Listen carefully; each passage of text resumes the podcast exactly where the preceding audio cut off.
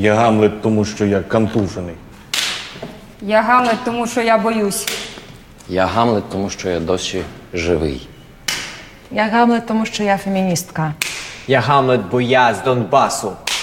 Es esmu Hamlets, jo esmu kontuzēts, saka Slaviks, kurš pēc Krimas okupācijas karojas Austrumukrainā. Es esmu Hamlets, jo es baidos, stafeti pārņem kaķi. Arī viņa ir kareiva. Es esmu Hamlets, jo es vēl esmu dzīves, piepilst romāns. Viņš frontē Austrumukrainā bija paramediķis. Es esmu Hamlets, jo esmu feministe, saka aktrise Oksana, kura plos ar karu nesaistītas dilemmas un sajūta, ka uz kara traumu fona tās vairs neskaitās svarīgas.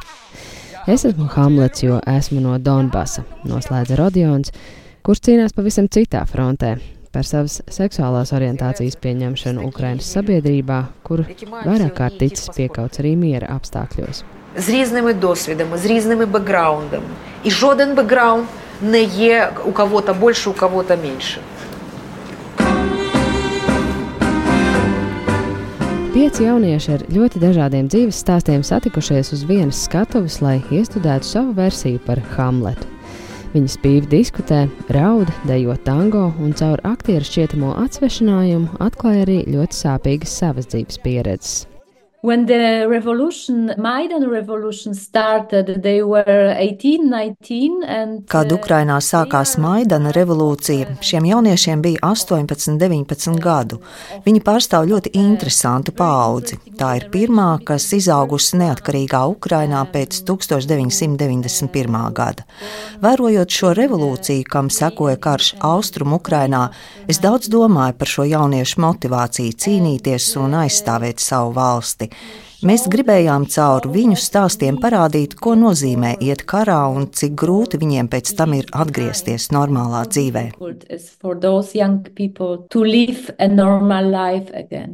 Tā saka viena no filmas režisorēm Elvīra Nieviera, kura kopā ar Piotru Rosolovski darbu pie filmas sāka jau 2018. gadā.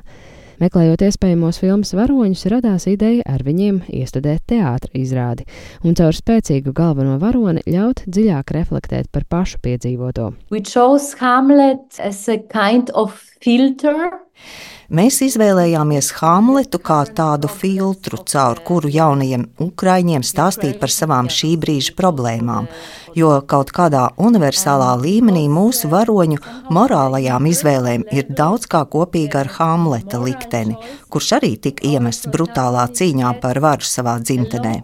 Arī Hamletam nācās apjaust, ka viņš dzīvo pasaulē, kas būvēta uz meliem un noziegumiem, un arī viņš ar to cīnās. Mēs gan jau no sākuma zinājām, ka neizmantosim pašu Šekspīra tekstu, tikai Hamleta motīvus. Beigu beigās Hamlets ir kaut kur gaisā, bet stāsti uz skatuves pieder pašiem varoņiem. Tikai vēlāk sapratu, ka Hamlets savā ziņā terapeitiski ir ietekmējis mūsu varoņus, jo viņi varēja runāt nevis tieši caur sevi, bet caur Hamletu. Viņi uznāca uz skatuves, sakot, Es esmu Hamlets, jo, un tad viņi sāka stāstīt savus stāstus. Mēs negaidījām tādu efektu, bet tas ļoti nostrādāja. Really, really great and helpful for them. Teātra iestudējumu vada režisore Roza Sarkisjana Kamera seko mēģinājumiem, kuros viņa mudina aktierus domāt, par ko jūs šodien cīnāties, kas ir jūsu, būt vai nebūt.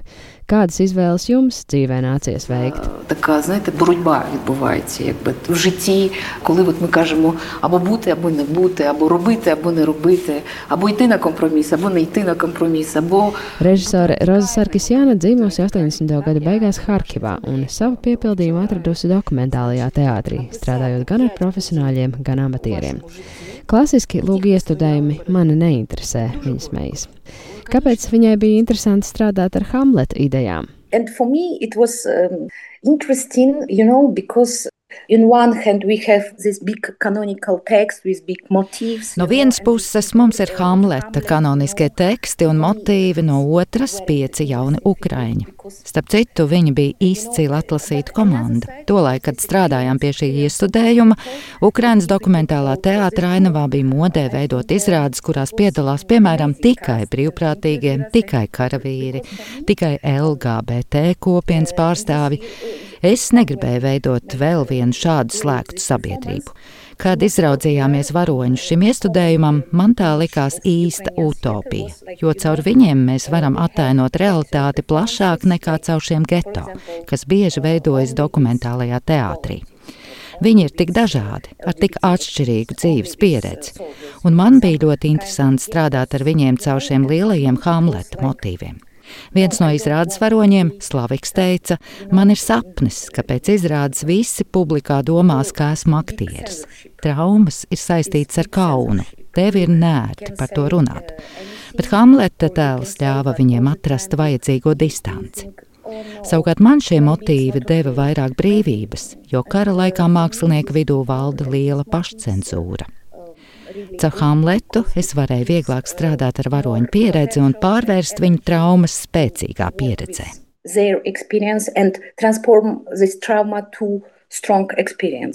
Sarkisjana virtuozi lavierē starp mēģinājumos mutuļojošajām emocijām, ar lielu iejūtību uzklausot varoņus un sakausējot viņu stāstus teātra valodā.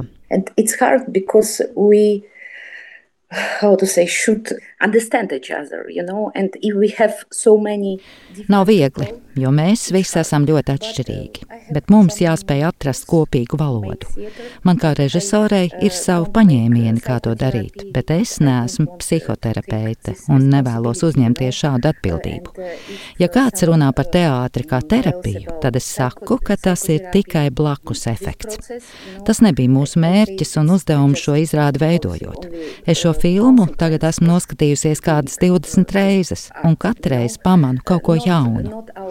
Visiem varoņiem šī dalīšanās pieredzē un stāstos ir ļāvusi sajust, ka viņiem ir teikšana. Kamēr tu klusē un kaunies runāt par pārdzīvoto, tev šādas teikšanas nav, bet dalīšanās to dod. Un es to atklāju tikai tad, kad jau skatījos gatavo filmu. Tas nav viegli, bet tas strādā. Arī filmas režisore Elvīra Nieviera uzsver, visi filmas dalībnieki ar kara pieredzi pirms filmēšanas izgāja psihoterapijas kursu un jau bija sagatavoti šādai skatuves pieredzēji. Skatoties filmu, pārsteidz varoņu lielā atklātība un uzticēšanās kamerai. Izrādās, ka filmas veidotāji ar aktieriem pirms tam gada garumā tikušies un veidojuši attiecības, lai kameras parādīšanās mēģinājumos viņus nesastindzinātu. We artistic process and not a therapy. Mēs pastāvīgi uzsvērām, ka šis ir mākslas process, nevis terapija. Mēs neesam psihoterapeiti un nevaram piedāvāt šādu palīdzību, bet, protams, beigās tam bija arī zināms terapeitisks efekts. Piemēram, vienam no varoņiem, Slavikam, izdevās pabeigt jurisprudences studijas un iekļūt talantu šovā Ukrainas balss, kur viņu izraudzījās starp 30 tūkstošiem dalībnieku jo patiesībā Slavika sapnis bija kļūt par dziedātāju, bet es pašlaik regulāri braucu uz kādu rehabilitācijas centru Ukrainā, kur simtiem sieviešu atgūstas pēc piedzīvotiem kara noziegumiem. Un tas ir kaut kas pavisam cits nekā mūsu mākslas projekts. Project. Lai gan filma Hamlets sindroms tika uzņemta vēl pirms Krievijas pilna mēroga iebrukuma Ukrainā, caur tās varoņu stāstiem skaidri redzams, ka Ukraiņiem karš nesākās pērn, bet jau pirms gandrīz desmit gadiem. Un personiskais pietuvinājums liek apjaust, cik liela ir kara cilvēciskā cena un cik vēl daudzkārt lielāka tā ir tagad, kad karš notiek jau visā Ukrainā.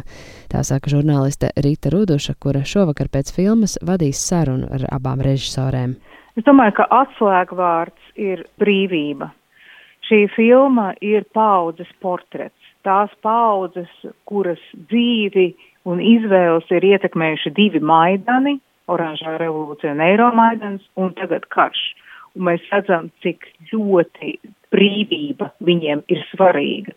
Un mums arī ir veselīgi saņemt atgādinājumu par to, kas ir brīvība un kāpēc to ir vērts sargāt.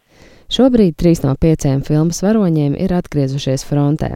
Vēl viens šuja armijas uniformas, vēl kāds organizē palīdzību no ārvalstīm. Palīdzības organizācija filmas varoņu un viņa vienību atbalstam nodibinājusi arī režisora Elvīra Nieviera, kura turpina regulāri apmeklēt Ukrainu un pašlaik strādā pie jaunas filmas, kurā dokumentē vairāku Mariupoli pametušo iedzīvotāju rehabilitāciju. Filma Hamlets sindroms pēdējo gadu ceļojusi pa daudziem pasaules kinofestivāliem, plūkus Lauras Lokarno, un režisorē Nievierai ir īpaši svarīgi par to runāt tieši tagad, kad kara ziņu nogurums arvien vairāk vedina novērst acis un uzmanību no Ukrainā notiekošā. And what is special and what is unique is that the film Tas, kas šajā filmā ir īpašs, tā runā par karu un kara traumām, nerādot pašu karu uz ekrāna. Mēs, diemžēl, jau esam sākuši pierast pie televīzijas kadriem ar sagrautām mājām un nespējam vairs pārdzīvot līdzi. Savā filmā mēs parādām tās drupas, ko karš atstāja cilvēku dvēselē. Esmu daudz ceļojusi līdz filmai Hamleta sindroms pa dažādiem pasaules festivāliem, jo man bija svarīgi ne tik daudz runāt par filmas tapšanu, kā par to, kas pašlaik notiek Ukrajinā. Filmā mēs redzam, kādas traumas cilvēkos ir atstājis jau karš austrumu Ukrajinā. Pašlaik miljoniem ukrāņu piedzīvo to pašu. Nezinu, kāda būs izēja no šī visa. Yeah, millions of Ukrainians are in the same position.